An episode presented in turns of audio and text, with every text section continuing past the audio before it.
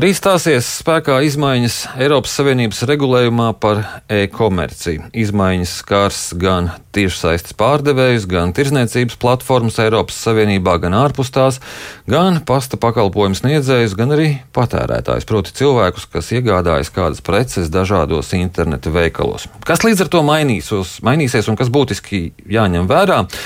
Par to šajā brīdī runāsim ar Vīda muitas pārvaldes direktoru Rēmonu Zukuli. Labrīt! Labrīt! Mēs abi esam vakcinēti un, ievērojot noteiktās prasības, varam sarunāties klātienē. Un tātad, kāda bija līdzšinējā kārtība līdz šai dienai? Ja cilvēki kaut ko sūtīja no trešajām valstīm vai pirka, iepirkās trešo valstu internetu platformās? Līdzinājā kārtība paredzēja to, ka uh, iepērkoties trešās valsts internetu veikalā, ir jādeklarē visas tās preces, kuru vērtība pārsniedz 22 eiro. Un šī jaunā kārtība, kas, kā jau jūs minējāt, stājās spēkā rītdien, gribu uzsvērt, ka šī kārtība stājās spēkā visās Eiropas Savienības valstīs. Tas nav kaut kāds Latvijas viens unikāls uh, gadījums vai situācija.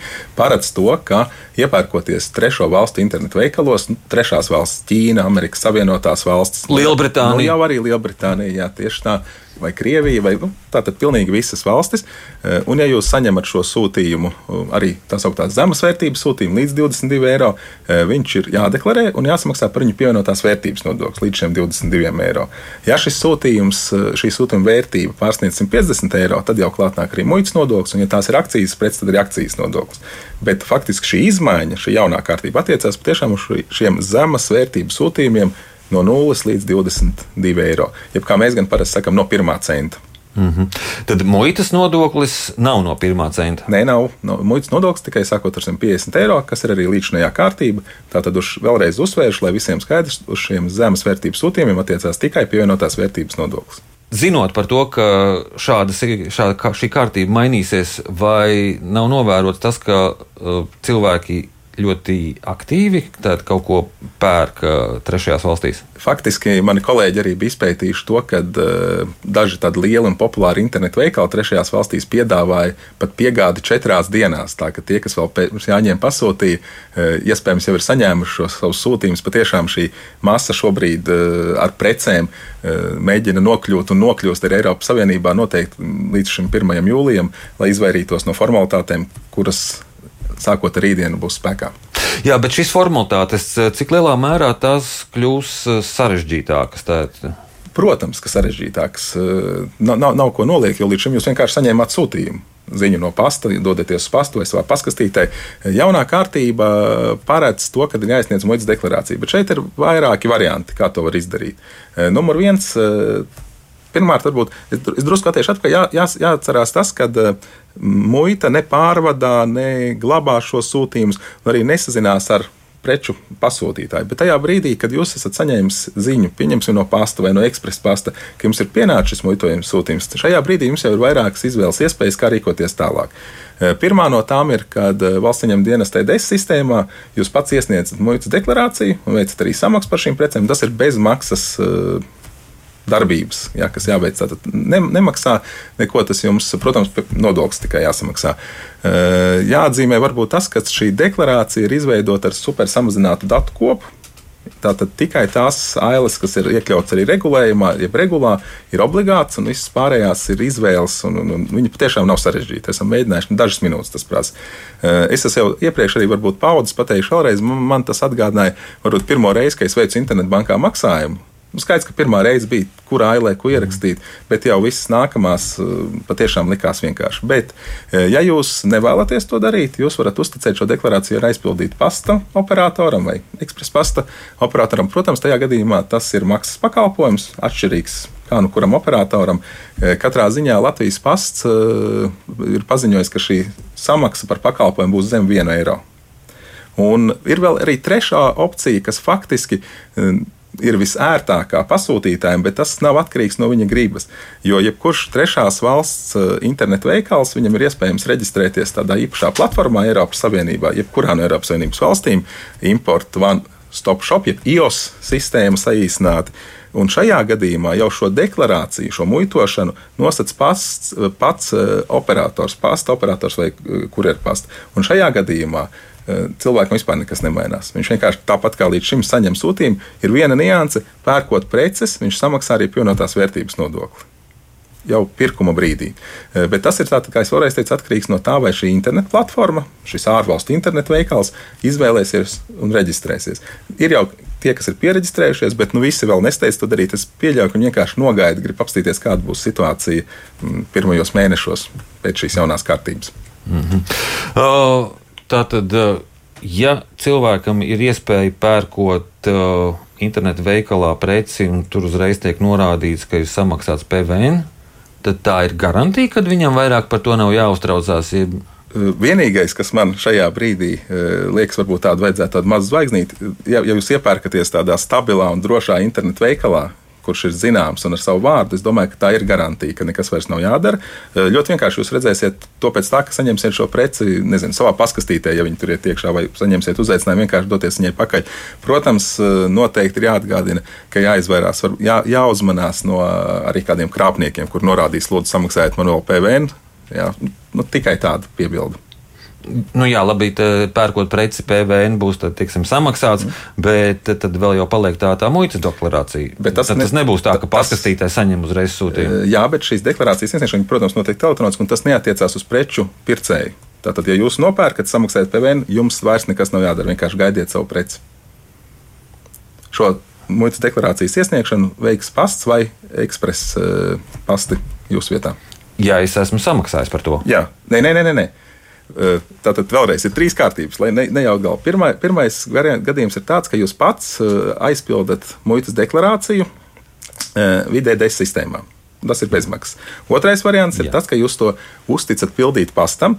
Un trešais variants, kas varbūt neskar šos divus, jo tas ir atkarīgs no tā, kā internetu veikals būs izvēlēts. Ja viņš ir reģistrējies šajā sistēmā, IOS sistēmā, mm -hmm tad jūs pirkuma brīdī, pirkuma brīdī samaksājat jau pievienotās vērtības nodokli. Nu, piemēram, preci maksā 10 eiro, tātad 2, 10, 21% arī pievienotās vērtības nodokli. Un ar šo jūs kā pircēji rūpe par kaut kādu deklarēšanu vai nodokļu papildu samaksu, jo jūs jau to esat izdarījis, beidzas. Un Latvija savukārt caur šo sistēmu, neiedziļināšos detaļās, saņems sev pienākošos PVN daļu.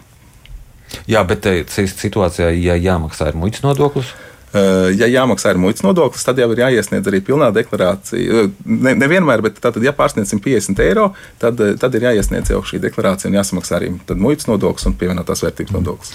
Bet vai šo sistēmu nebūs iespējams apiet? Jo pie vecās sistēmas es esmu dzirdējis, ka ir gadījumi, kad šie veikali, pieņemsim, piedāvā šo preces cenu samazināt. Nu, nu, teorētiski, lai, nu, lai nebūtu nekāda maksājuma jāveic. Ziniet, kā, nu, protams, tas jau ir atkarīgs no tā, ko jūs samaksājat no savu bankas konta. Jūs jau veicat pārskaitījumu ar eh, internetbankas maksājumu, un šie dati viņi elektroniskā veidā arī nonāk pie pasta operatoriem un arī pie muitas dienesta. Eh, protams, ka ko, ko, ko mēs zinām, ko mēs redzam, tas patiešām ir ok, nav aizliegts, ka eh, arī šīs lielās platformas jau Eiropas Savienībā veido kaut kādas noliktavas, kad šīs preces iepriekš jau ievada Eiropas Savienībā, nokārto muitas formalitātes. Tas nenozīmē, ka obligāti Latvijā Un tad, protams, ka cilvēks eh, pasūtot, nu, es negribu kā reklamēt, ja nu, pieņemsim kādā ASV platformā kādu preci, īstenībā saņem viņu teiks, no noliktavas Vācijā, kur jau ir atmuitot. Un tad, protams, ka arī nekādas deklarācijas viņam nav jāsniedz. Mm -hmm. Bet, eh, ja uh, cilvēki mēģinās kaut kā ar to manipulēt, uh, mm, mēģinās kaut kā izvairīties, tā skaitīsies kontrabanda? Redzat, nu, viens no tiem muitas dienas uzdevumiem tieši šajā brīdī, protams, ir arī muitas kontrolas veikšana. Ja? Un, un, un šajos gadījumos noteikti viens no tādiem riska faktoriem ir uh, muitas vērtība no viņas norādīšana, mm. pareizi vai nepareizi. Ko es varu apgalvot? Tā mūsu līdzinājā pieredze liecina, ka nu, absolūtais vairākums cilvēku norāda šo patieso vērtību, jo eh, kaut kādu kontroļu gadījumā viņi jau diezgan viegli izsakojam. Un, protams, ka mēs, eh, muita, arī atlasīsim preces pēc riska analīzes veiktās elektroniskās uz fizisko kontroli. Nezinu, minēšu piemēru. Nu, ja mobilais telefons un viņa vērtība tiek norādīta nezinu, 10 eiro, pilnīgi noteikti, tas var piesaistīt muitas dienestu uzmanību, un šo preci jau var pa, pa, paņemt uz kontroli, un tad arī paprasīt deklarētājiem, ja tā ir privāta persona, kādu papildus informāciju, piemēram, internetbankas maksājumu veikto. Tā. Bet kopumā runājot par kontrabandu, kāda šobrīd ir situācija? Tur ir kāda dinamika? Zinat, kā katram, katra, katram gadam vai katrai, katrai, katrai desmitgadē noteikti ir bijušas tādas savas kontrabandas preces, ja mēs paskatāmies arī vēsturiski. Un šobrīd mēs dzīvojam nu, tādā laikam cigarešu kontrabandas. Cigaretes jau bijušas vienmēr, ne? Nu, vienmēr pēdējos 25 gadus, ja mēs paskatāmies, vēl, vēl iepriekš tad jau bija gan vērts lietas, gan kaut kādas deficīta preces, cukurs, gaļa. Latvijas laikā tās neilona zeķes bija kontrabanda vai kinofilmas, piemēram. Tā kā mainās ar laiku e, šīs lietas, vai spirts, vai degviela. Ja. E, ja par cigaretēm atpakaļ, tad e, šobrīd, pirmajos sešos mēnešos, mēs esam konstatējuši, konfiscējuši 18 miljonus cigarešu kopumā. Pagājušajā gadā tas skaitlis bija lielāks, bija 31, bet tā dinamika, nu, jāskatās, būtu iespējams gada griezumā. Grūti pateikt, vai tas nozīmē, ka arī visu gadu būs mazāk, jo gadās kāda lielāka ķēriena, un tad jau tie cipari mainās ļoti strauji. Bet cigaretes ir galvenais, nav, nav vēl citas interesantākas preces. Ir arī interesantākas preces. Nu, arī diezgan būtiski, protams, ir narkotiku un psihotropo vielu mm, kontrabanda un īstenībā tieši pasta sūtījumos. Mums ir kaut kādi vairāk kā simts gadījumi šogad konstatēti. Tie ir nosacīti nelieli apjomi, bet uh, izmantojot darknet un dažādas citas, teiksim, interneta arī resursus. Viņi tiek iegādāti un uz Latviju tiek eh, sūtīti. Um, ir arī alkohols, 3600 litri. Tie ir tādi vairāki gadījumi. Nav viens, bet lielākais no tiem, ja nekļūdos, bija Ventspēlī. Tur bija 2800 pāri litru ar, ar, ar eh, šņabi. Nu, Vēl noteikti nāk klāt mums arī, bet tur nav liela apjoma.